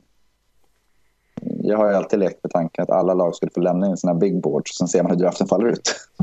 Det är så här, tick, tick, tick, tick, tick, tick, att det bara liksom sorteras utifrån den. Vems tur är det? Vem är högst på eran just nu? Ja, du menar sån i fantasy, så när man är inte... Ja, auto, precis. Ja, alltså. Det, hade varit, alltså det, hade, det skulle vara kul så här, i efterhand få se hur, hur en sån draft hade sett ut. Men eh, jag, jag, tror, eh, det är väl klart att needs påverkar. Men jag tror inte att det påverkar. Jag tror inte att, alltså, ta Ravens till exempel, som jag följer mest. Eh, att de tog J.K. Dobbins förra året i runda två.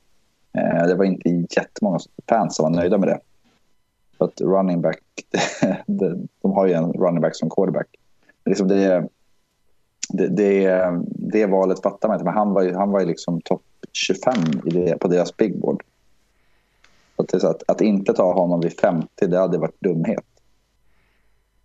Mm.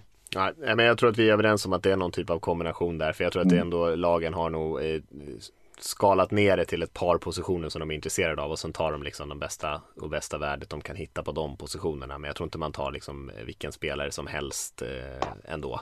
Eh, Eh, om det inte är någon så här helt eh, förblindande bra spelare. Men det är ju sällan så stora skillnader tror jag mellan, mellan toppspelarna.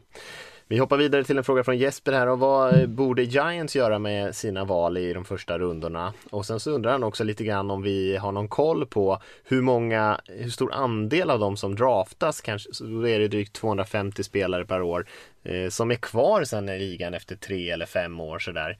Eh, hur många av de här spelarna som alltså har en, en hyfsat lång karriär. Ja, du har järnkoll på det Mattias? Exakt, det är absolut siffra. inte. Det är absolut ja. inte. Men eh, man kan väl säga att fem år, då börjar det bli eh, relativt låga siffror ändå. Men jag tror att vi snittkarriären i NFL är väl runt tre, tre och ett halvt år någonstans. Så att, eh, det betyder ju att drygt hälften av de här spelarna säkert är borta redan efter ett par år. Eh, och efter fem år då då tror jag att man är nere på en eh, relativt liten procenten då. Eh, inte, inte minimal, men jag tror att många av de här spelarna är borta då och framförallt de som har draftats lite senare. Eh, kanske roterar runt lite grann eller kanske i alla fall inte är kvar i det laget som draftade dem. Men eh, nej, det, det är många som eh, försvinner längs vägen. Mm. Giants, eh, ja de har ju slängt stora pengar på spelare här nu. Kenny Golladay, receiven och vad var det mer? Eh, Adore Jackson som Tennessee släppte. Lennon Williams förnyade sig stort där. Så eh, vad bör de göra där? Eh, en receiver till är det inte dumt eller? Darius Slayton och Galladay, Galladay är väl eh, okej okay, men... men Sterling Shepard har de också. Alltså, ja, och, har... och, John Ross, det är, som vi nämnde innan, har de också signat upp. Evan Engram. Ja, Evan Engram är alltså... Helt... Alltid skadan. Ja. ja. Kyle Rudolph har han tagit också där, men rena motsatsen i Thailand de har honom ändå. Jag, tycker att eh, man pratar väldigt mycket om att, att Giants måste se till att ge Daniel Jones chansen. Och jag tror att bäst chans är om man väljer att stärka försvaret. Det, jag tänker så här, typ Micah Parsons i runda ett. De väljer ju 11. Mm. Eh, och sen vid 42, någon edge som är tillgänglig där. Men det finns ju... Ja, det vet vi inte hur det faller. Josef Osai har vi pratat om. Eh, Rousseau har det pratats om att han faller. Rousseau har det pratat om. Joe Tryon, Ronnie Perkins nämnde du. Eh, och sen tänker jag att man kan ta någon receiver i början av tredje då som alltså, typ Dwayne Eskridge eller Tylen Wallace, alltså någon som är lite speedigare. Eh. Absolut. De har ju... Eh, det är ett lag som det känns som de har jobbat lite efter needs då som man ska in och flätta upp den, den förra frågan och sista draften. Här. Försöker fylla på. De har inte alltid träffat rätt. den här draften när de draftade 111 stycken corners och ingen är på uh, rosterna längre. Men,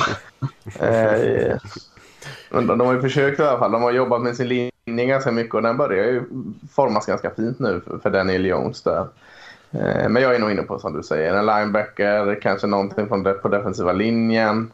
Eh, stärka upp det där försvaret. Eh, en corner till möjligtvis. Eh, Bradbury och Rory Jackson känns ändå okej. Okay, men, men tre, fyra corner till sitt stall är inte alls dumt. Jag kan, jag kan, tänka mig lite att de kan drafta o-line också. Alltså jag tänker mm. framförallt kanske på högersidan. Det är klart att eh, Andrews och, och eh, Will Hernandez och andra högt draftade spelare. Men det, jag tror ändå de skulle behöva fylla på med någonting där. Hur de nu jag tycker Perch såg ganska bra ut förra året stundtals. Alltså. Right kan det. Mm. Det svåra för Gettelman är ju att när han har draftat dem tidigare så, så han liksom krävs ju viss pedagogik för att förklara varför jag ska täcka upp för dem. Hur tänker du nu? Nej, men att, äh, när han har Andrew Thomas och eh, Will Hernandez att, att liksom drafta deras eh, djup eller bredd så kan det bli en... Alltså, eh, han känns som en sån person som inte vill liksom ifrågasätta sig själv. Ja, jag, jag, jag det känns ju inte som att de är gift. Nej, de är ju inte gifta vid Pert eller Fulton eller eh, vad är det, Nick Gates som är center. Där skulle, någon av de där positionerna kan de lätt fylla på tycker jag. Mm. Ja, men det kan jag se också. Jag tror att det är så de kommer göra också. Jag tror att de kommer fylla på o-line och skillspelare. Men vad de borde göra är att fylla på försvaret. Mm, det är ju inte kanske, det finns ju lite och eh, det finns ju några områden som de skulle behöva kanske jobba med i Giants där. De eh, truppen är ju inte superstark även fast de har fått in en hel del eh, pålitliga veteraner ändå i Free Agency här. Fått och fått och betalat mer än något annat lag för sina har betalat dyra pengar för sina ja. free agents då. Eh, men det kanske blir eh, budgetdeals nu om vi ser lönetaket explodera här kommande år. Ja. Eh, Erik Ljunggren undrar hur mycket är det värt att offra för att klättra upp i draften och välja sin quarterback? Han tänker framförallt på sitt Bears där. Jämför man med Chiefs och Texans så har ju deras utgång skilt sig väldigt mycket. Eh, på hur eh, lagen har, eh, vilken framgång de har haft antar jag att han tänker på där då. Och det är väl en, också en väldigt svår fråga tänker jag mig. Det beror väl lite på vad som är mycket att offra och sen också vilken quarterback man kanske tradar upp för och vad, vad laget i övrigt står sig någonstans. Liksom. Laget måste ju ändå vara redo annars kanske det är lite av ett slöseri om man byter bort all, hela potentiella framtida omgivningen till den här quarterbacken. Var det inte så länge sedan Bears gjorde det? Nej, precis. Och det gick ju inte så där bra. Nej, det gick inte jättebra när man fortfarande pratar om att Jay Cutler är den bästa QB'n de sista 20 åren så eh, har det inte gått så jättebra på att lösa den positionen. Nej. Eh, nej men värdet är ju också, vad sa vi, vad draftar Bears? 20 någonstans eller? Ja. Eh, ja, 20 precis. Nej, det är ju vad, det är omöjligt som du säger att säga vad värdet är värdet att få din framtida franchise-QB, det går nog knappt att sätta ett pris på. Men eh, hur jäkla säker är du att du får din framtida... Det trodde de väl antagligen Trubisky, annars, då, annars hade de inte gjort så. Eh, så att eh, tror de verkligen på det så, så kan du slänga bort jäkligt mycket eh, draftkapital eh, för att få det, absolut. Men sen om det är värt det efteråt, det, det vet vi ju inte. Men eh, Känner du att det är din väg att gå, du har en QB du är förälskad i så tycker jag absolut du kan fucka upp 4-5 drafter. Eh, alltså, slänga bort din lek i första rundan för att få honom. Ja, det, det kan jag köpa. Det är ju ja, intressant men... om man tänker i år också. Mm. När man liksom inte har all data som man har haft tidigare år. För att oavsett hur man tänker, vrider och vänder på det så har de ju fått ändra sin process. Att vågar man då sälja hus och hem och klättra. Fortniners gjorde ju det. Mm. mm. Det de har ju å andra sidan ett ganska bra lag 49ers redan. Så de är ju i en sån mm. situation mm. där de kanske tycker att det enda som saknas är en lite bättre quarterback. Så, så kan de vara jäkligt giftiga. Bears är väl också i och för sig lite i en sån sits där truppen ändå är helt okej. Okay. Den är ju inte jättebra på något sätt men det är helt okej okay. och eh, man kan ju också se det som att var ju poängen med att drafta massa jättebra andra spelare om man inte har någon quarterback. Då kommer man inte komma någonstans ändå. Så någonstans måste man ju lösa det problemet och det är ju svårt att lösa i liksom free agency. Eh, så antingen väntar man på att man gör en ännu sämre säsong eh, eller så tradar man upp för den här spelaren man tror på. Men som Lasse säger, då måste man ju verkligen, verkligen tro på den spelaren också. Pace lär väl få sparken efter i år oavsett om det inte liksom händer någonting som triggar igång allting. Det finns ju en god Andy Dalton, vet Ja, han triggar inte igång De är någonsin. för jobbet. Det är en, Daniel Krona gillar Andy Dalton, det är den enda. Nej, Dalton är det. Eh, Eller ja, jag tycker han har fått ovärdigt mycket skit. Alltså, det är ändå samma Ja, men du, kan inte säga, du kan inte säga att du blir liksom taggad av Andy Dalton. Jag blev lite taggad när Cowboys signade förra året. kan jag inte ljuga. Ja, det är en lögn. Nej, nej. Blev du det när han spelade är väl frågan? Eh, nej. Lite mindre, lite mindre taggad då när han började kasta runt bollen. Ja, vi hoppar vidare till en fråga från Patrik Bendixen här som eh, i våran Slack-grupp som skriver om Eagles situationer, hur vi ser på den. De har ju massa draftpick här de närmaste två drafterna eh, och han undrar om vi tycker att de ska ge eh, Hurts lite bättre förutsättningar eller om de ska försöka hitta de bästa spelarna de kan hitta till sitt försvar. Ehm, och han nämner också att vi har varit inne på det lite tidigare att eh, quarterbacks i de kommande drafterna här eh, kanske kan vara lite sämre än den här, det här årets grupp och eh, kanske nu man ska hoppa på QB-tåget. Hurts eller är det Flacco som vi får se i Jag. Ah.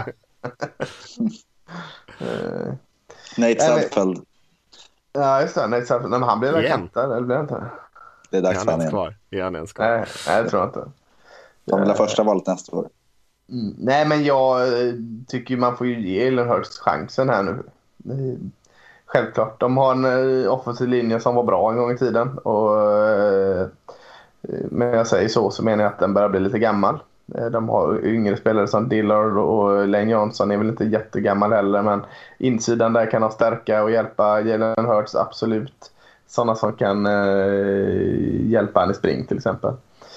Eh, receiver är ju, är ju en illa bevarad hemlighet att eh, funkar ju inte i Eagles. Så att kan jag försöka igen och ta en receiver som kan fånga bollar. Eh, så, så det finns i offensiven att eh, direkt hjä- hjälpa Jalen Hurts. Och jag hade nog lagt eh, försvarsprojektet lite åt sidan. Nu är inte Schwartz kvar där. Någon, någon sån här eh, interimlösning med 12 olika defensiva koordinatorer där. Så vi får väl vänta lite och se vad de vill ha. med. men de kanske inte ska välja så dåliga receivers också då om de ska välja receivers. nej. det kunde jag ha eh, sagt precis. innan att det där var två dåliga val. Så. Ja, men jag tycker Jalen Rigor eh, hade lite problem med skador och sånt förut. Kom ändå igång. Så att, men man kan inte liksom lägga alla ägg i, i den uh, oprövade korgen. Trots att jag gillar Rigor. Men, men receiver, insidan den offensiva linjen och hjälpa Jalen Hurts tycker jag absolut är, eh, är någonting man kan sikta på.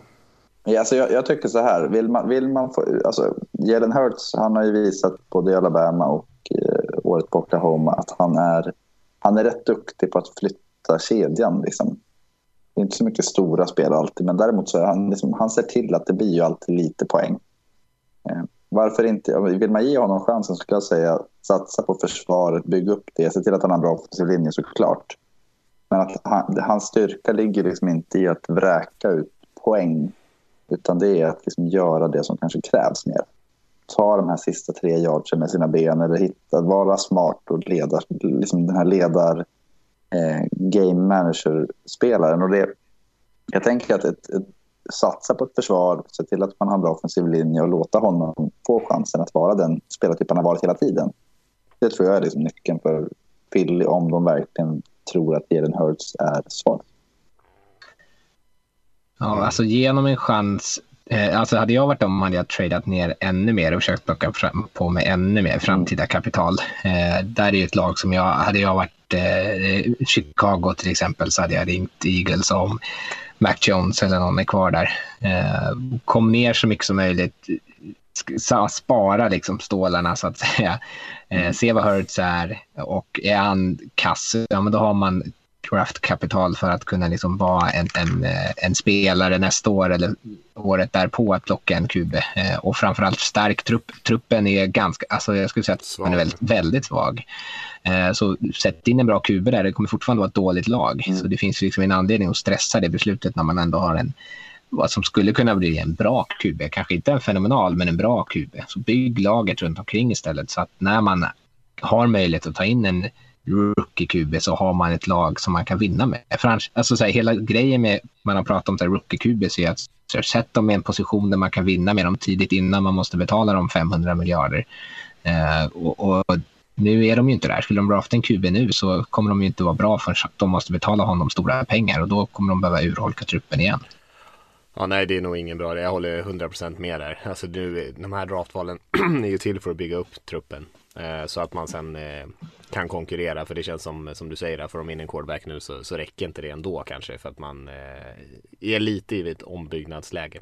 Vi hoppar vidare. Vi fick en fråga från Kim Elofsson om vilka lag som vi tror är benägna att röra sig upp och ner via trade dag ett. Jag tycker att vi faktiskt tog det när vi pratade om om första rundan där. Eh, vilka lag som kan vara intresserade av att röra sig upp och ner. Så vi hoppas att Kim känner att vi svarade på det där. Och så hoppar vi över till en fråga från Kalle istället som skriver om Packers här. De har ju Gutekunst där, GMen har ju rört sig uppåt i första rundan. Eh, alla sina år där 2018, 2019, 2020 och han undrar lite grann vilka lag runt 20 där som han tror att eh, som vi tror skulle kunna vara villiga att hoppa ner lite grann om Packers vill komma upp och, och hitta någon, eh, någon särskild spelare som han har kikat på. Det är väl lite samma fråga där med tradesen, men har vi något lag där som vi tror skulle kunna hoppa ner med Packers?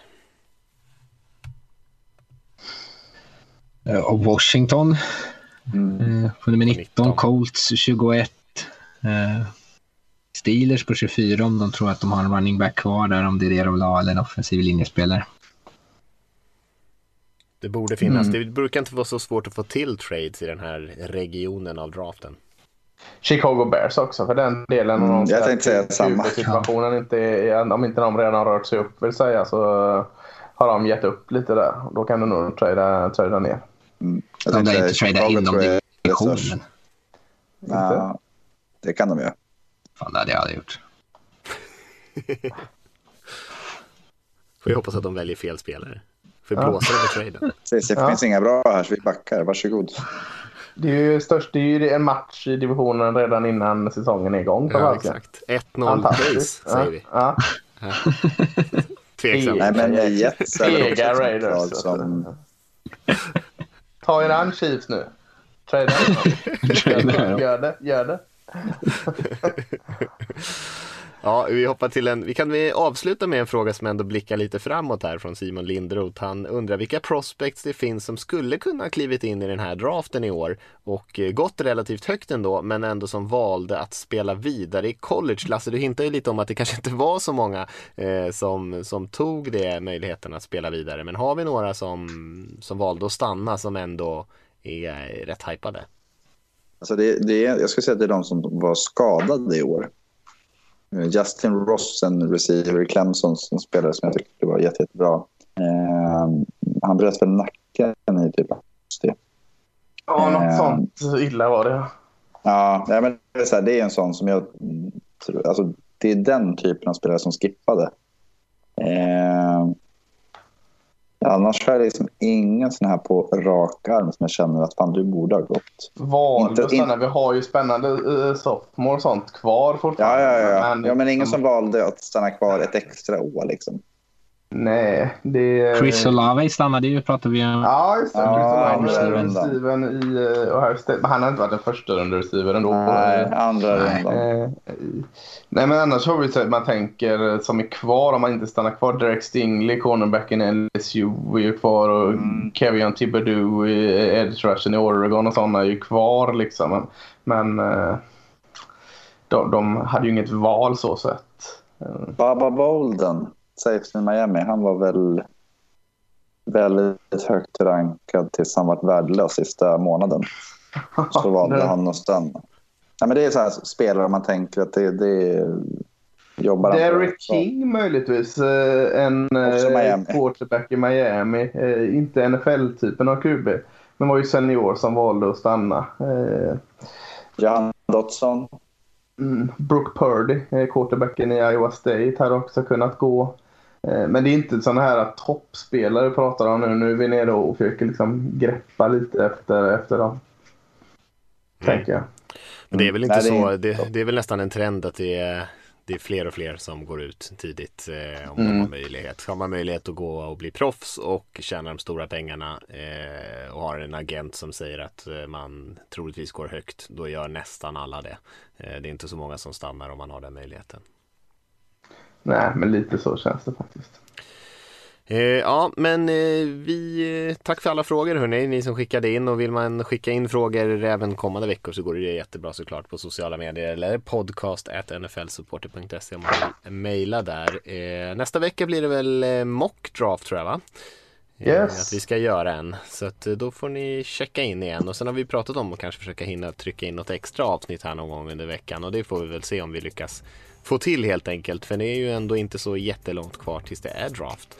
Så, ehm, men vi vill ändå försöka hinna med så mycket som möjligt såklart. Och eh, annars får vi väl tacka för att ni har lyssnat allihopa så, så hörs vi igen nästa vecka. Det gör vi. Ha det bra. Hej hej!